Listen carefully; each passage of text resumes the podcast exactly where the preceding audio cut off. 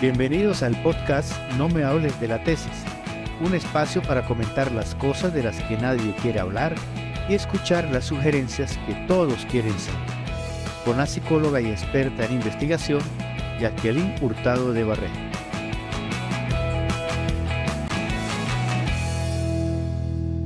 Estimados tesistas e investigadores, bienvenidos nuevamente a esta edición de No me hables de la tesis. Hoy vamos a tratar un tema que preocupa a muchas personas, sobre todo a muchos investigadores que están en el proceso de desarrollo de su trabajo de grado.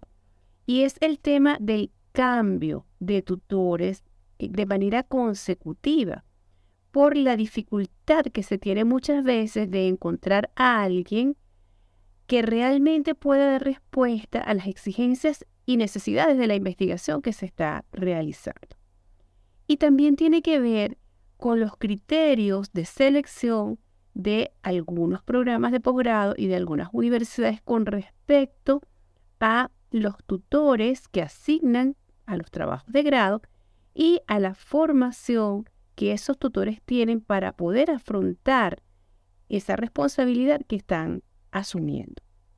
No es un secreto para nadie que existen muchas discrepancias de criterios entre los tutores en cuanto a lo que se considera correcto o no en un proceso de investigación. Muchas de estas discrepancias dependen de que a veces los tutores tienen modelos epistémicos diferentes, es decir, parten de enfoques de investigación distintos y eso hace que su manera de ver el proceso, el método que utilizan y el tipo de investigación que admiten como válida, pues sea totalmente diferente. En esta oportunidad tenemos como invitada especial a Mireya. Mireya nos va a comentar algo de lo que ha sido su experiencia en cuanto a los diferentes tutores que ha tenido a lo largo de su investigación. Hola Mireya, bienvenida a esta edición del programa. Por favor, cuéntanos cómo ha sido tu experiencia en el proceso de realizar tu trabajo de investigación.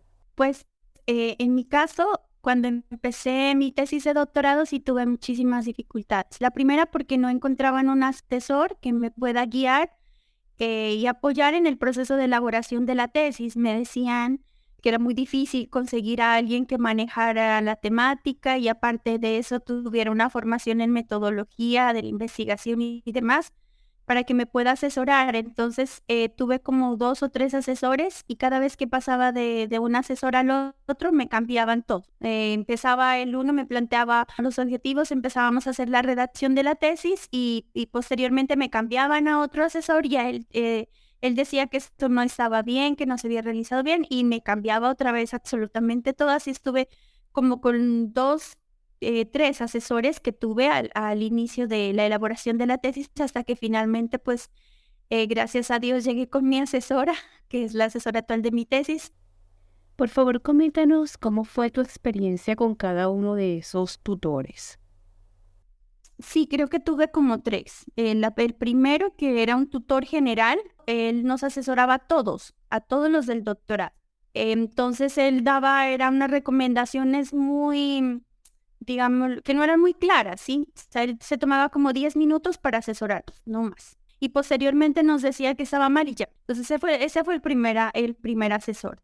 Entonces, eh, no sé qué pasó. Pues él empezó con nosotros, planteamos la propuesta, y posteriormente se fue. Y ya nos dijeron que íbamos a tener con otro. Después tuve otra asesora y ella me mandó a leer, recuerdo que un sinnúmero de libros y después me dijo que no me podía continuar asesorando porque se le había presentado algo, bueno. Y después tuve otro asesor. o sea, él, él trató, yo recuerdo que él trataba como de asesorarme y demás, pero lastimosamente nunca me hacía una corrección.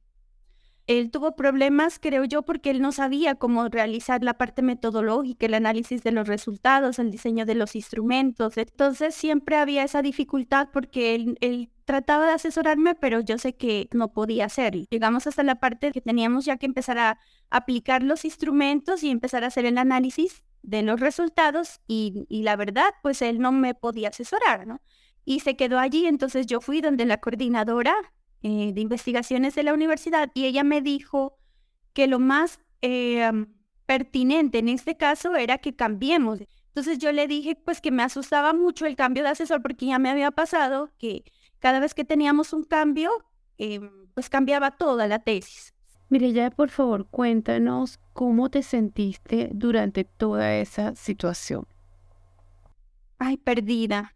La verdad, yo hasta la última noche que me dijeron que otra vez me cambiaban de asesor, me sentí terrible. Yo creo que lloré casi toda esa noche porque pensé que pues todas las noches que yo había invertido en, en desarrollar la tesis, en diseñar los instrumentos, bueno, todo lo que, lo que implica llevar a cabo eh, la tesis de doctorado, pues habían sido en vano.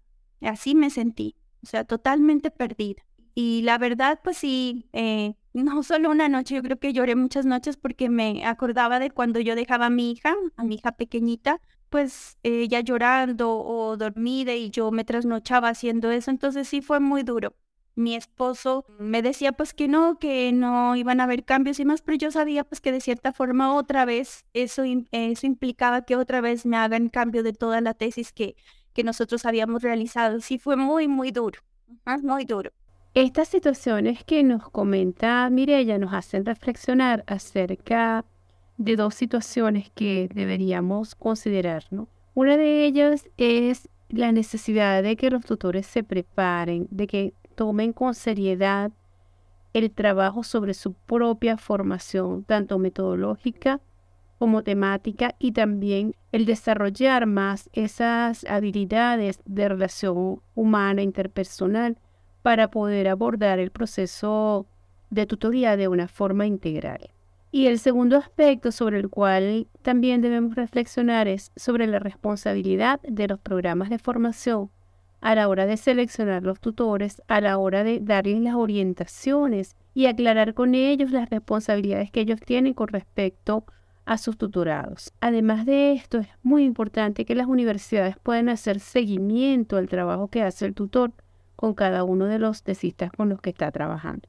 Este es un aspecto fundamental para poder mejorar los procesos investigativos dentro de nuestras instituciones universitarias y para poder también mejorar resultados de investigación tanto a nivel nacional como a nivel continental. Coméntanos un poco, Mirella, cómo estás en este momento, cómo estás con tu trabajo de investigación en este punto.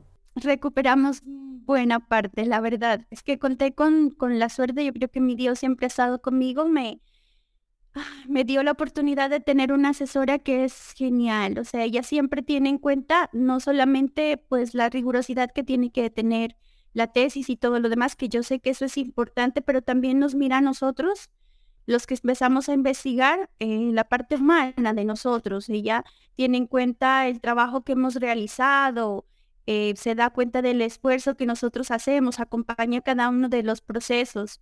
Entonces, la verdad, pues no fue, no fue tan trágico como yo me lo imaginaba, porque tuve la suerte de contar con una asesora que maneja muy bien, es experta en todo lo que tiene que ver con la, con la parte metodológica, que era lo que me fallaba más a mí, y me lo explico de una forma muy fácil, muy sencilla. Y además tuvo en cuenta los aportes que yo ya tenía de la anterior investigación y ella se tomó el tiempo de mirar qué parte de eso nos, nos servía. Siempre es como que pendiente de, de ver qué, qué partes hemos hecho y de respetar los aportes que nosotros también como investigadores hacemos a, a nuestra tesis y demás. Cuéntanos, Mirella, ¿qué expectativa tienes con respecto a tu investigación? Ay, Dios, yo, ay, no, tengo la expectativa de graduarme de, culminar ese trabajo de la mejor manera, de hacer una buena sustentación de mi tesis. Eh, pues espero, ojalá, que quienes van a ser jurados pues puedan también valorar, así como lo ha hecho mi, asesora, todo el esfuerzo que nosotros, los que estamos dedicados a, hacer la tesis, hemos hecho, todo el sacrificio que tiene el desarrollo de la tesis, eh, que, es, que es riguroso, porque una tesis de doctorado no es cualquier cosa y y que valoren ese esfuerzo y que, y que miren pues también los resultados, todo lo que, lo que hemos realizado, ¿no es cierto? Eh, y lo valoren. Eso espero. Y ojalá pues lo más importante graduarme. Entonces a veces se piensa que las cosas fáciles son las mejores, pero no. O sea, yo pienso que, que todo esfuerzo tiene sus frutos. Me dijo hace poco alguien, eh, un rector me dijo que cuando el alumno está listo, el maestro aparece.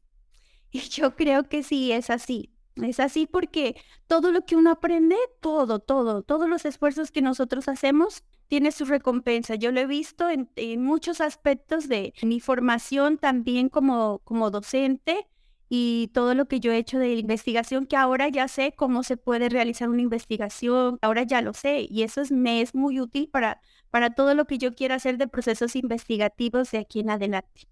Mireya, muchísimas gracias por compartir tus experiencias, por acompañarnos en esta oportunidad y deseamos de todo corazón que tengas mucho éxito con tu trabajo de investigación y puedas culminar ese logro tan ansiado. Gracias, Doc. Muchísimas gracias. Que Dios la bendiga enormemente. Estimados tesistas e investigadores, muchísimas gracias por habernos acompañado en esta edición de No me hables de la tesis. No olviden ver la descripción del audio y recuerden que si lo desean pueden enviar sus preguntas e inquietudes y sus audios para contar también sus experiencias con el trabajo de investigación. Los esperamos en una próxima oportunidad. Se despide de ustedes Jacqueline Hurtado de Valle.